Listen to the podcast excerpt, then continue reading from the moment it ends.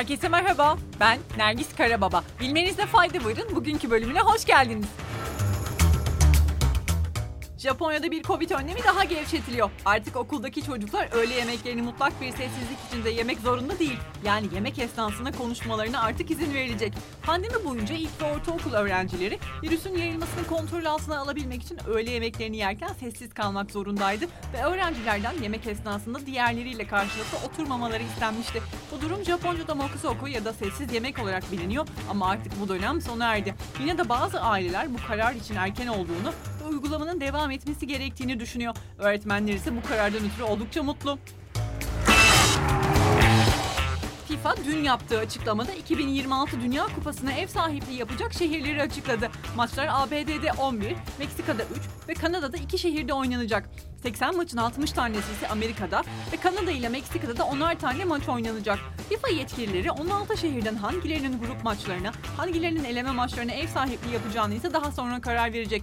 2026 Dünya Kupası 32 yerine 48 takımın yer aldığı ilk organizasyon olacak ve maçlar ilk kez 3 ülkede oynanacak. Minik bir bilgi vereyim. Yapılan bir araştırmaya göre Dünya Kupası maçları ev sahibi şehirleri 620 milyon dolara kadar gelir sağlayabiliyor. Uzun bir süre sonra hemen herkes fiziksel olarak ofise gitmeye başladı ve doğal olarak bu duruma hemen adapte olmakta zorluk yaşıyoruz. Uzmanlar ise çalışanlarının bunu aşabilmesine yardımcı olabilmeleri için yöneticilere birkaç önerisi var. İlk olarak evdeki gibi sessiz bir ortamın daha iyi olacağı görüşündeler. Yapılan bir araştırmaya göre ses sebebiyle dikkati dağılan çalışanların eski konsantrasyon seviyesine dönebilmesi için 23 dakika geçmesi gerekebiliyor. İkinci olarak açık ofislerin tasarımının iyileştirilmesi lazım. Şayet aynı ortamda çok fazla masa varsa ve herkes sırtı birbirine dönük halde oturuyorsa bilgi paylaşımı konusunda sorunlar yaşanabiliyor. Bunun yerine daha az sayıda insan birbirine bakarak çalıştığında ekip çalışmasının arttığı dile getiriliyor. Son olarak ofislere biraz doğa esintisi gerekiyor. Yani biyofilik bir tasarım. Bu daha fazla gün ışığı, temiz hava, hatta doğa sesleri ve bitkiler demek. Böyle bir ortamda stresin azalacağı öngörülüyor. Ofiste doğa sesleri ve bitkiler stresi azaltır dedik. O halde gelin ofiste yetiştirebileceğiniz bitkiler nelermiş birlikte bakalım. Haftada bir kere suyunu değiştirmeniz gereken bambu, zeyzey bitkisi olarak da bilinen ve yalnızca toprağı kuruysa sulamanız gereken zamya, size ormandaymışsınız gibi hissettirecek potos sarmaşı, kısıtlı güneş ışığına dayanıklı paşa kılıcı ya da zarif bir kurdele çiçeği tercih edebilirsiniz.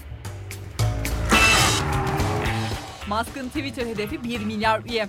Tesla ve SpaceX CEO'su Elon Musk, talibi olduğu Twitter'ın çalışanlarıyla ilk defa sanal ortamda bir araya gelerek soruları cevapladı. Musk, sosyal medya platformunun kullanıcı sayısını 4 katına çıkartarak 1 milyar kullanıcıya ulaşmak istediğini söyledi. Dünyanın en zengin iş insanları arasında bulunan Musk, sosyal medya platformuyla daha önce vardığı ön anlaşmayı tamamlayıp tamamlamayacağı konusuna değinmezken, Twitter'a hizmet için büyük planları olduğundan bahsetti. Twitter'da 98 milyondan fazla takipçisi olan Musk, uzun zamandır şirketin potansiyelinin yeterince kullanılmadığına inandığını da söyledi.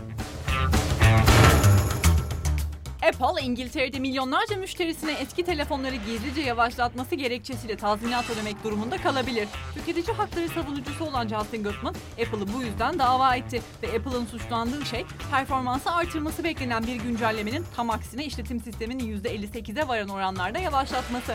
Goodman, teknoloji devinin İngiltere'de 25 milyon müşterisine 768 milyon sterlin ödeme yapmasını talep etti. Apple ise telefonların ömrünü hiçbir zaman bilinçli olarak yavaşlatmadığını savunuyor.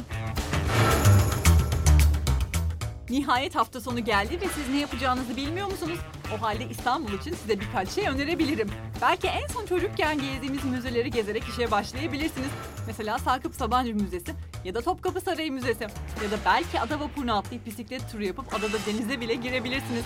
Ben çimenlere yatıp kitap okumak istiyorum diyorsanız da Maçka Parkı'na, bu esnada denizi de görmek istiyorum diyorsanız Caddebostan sahiline geçebilirsiniz. Mutluluk mimaride diyenlerdenseniz Dolmabahçe Sarayı'nı veya Galata Kulesi'ni gezebilirsiniz. Evde mi kalmak istiyorsunuz? Peki o halde henüz bitirmediyseniz Peaky Blinders'ın son sezonunu izleyebilirsiniz. Bugünlük bu kadar. Haftaya görüşmek üzere. Hoşçakalın.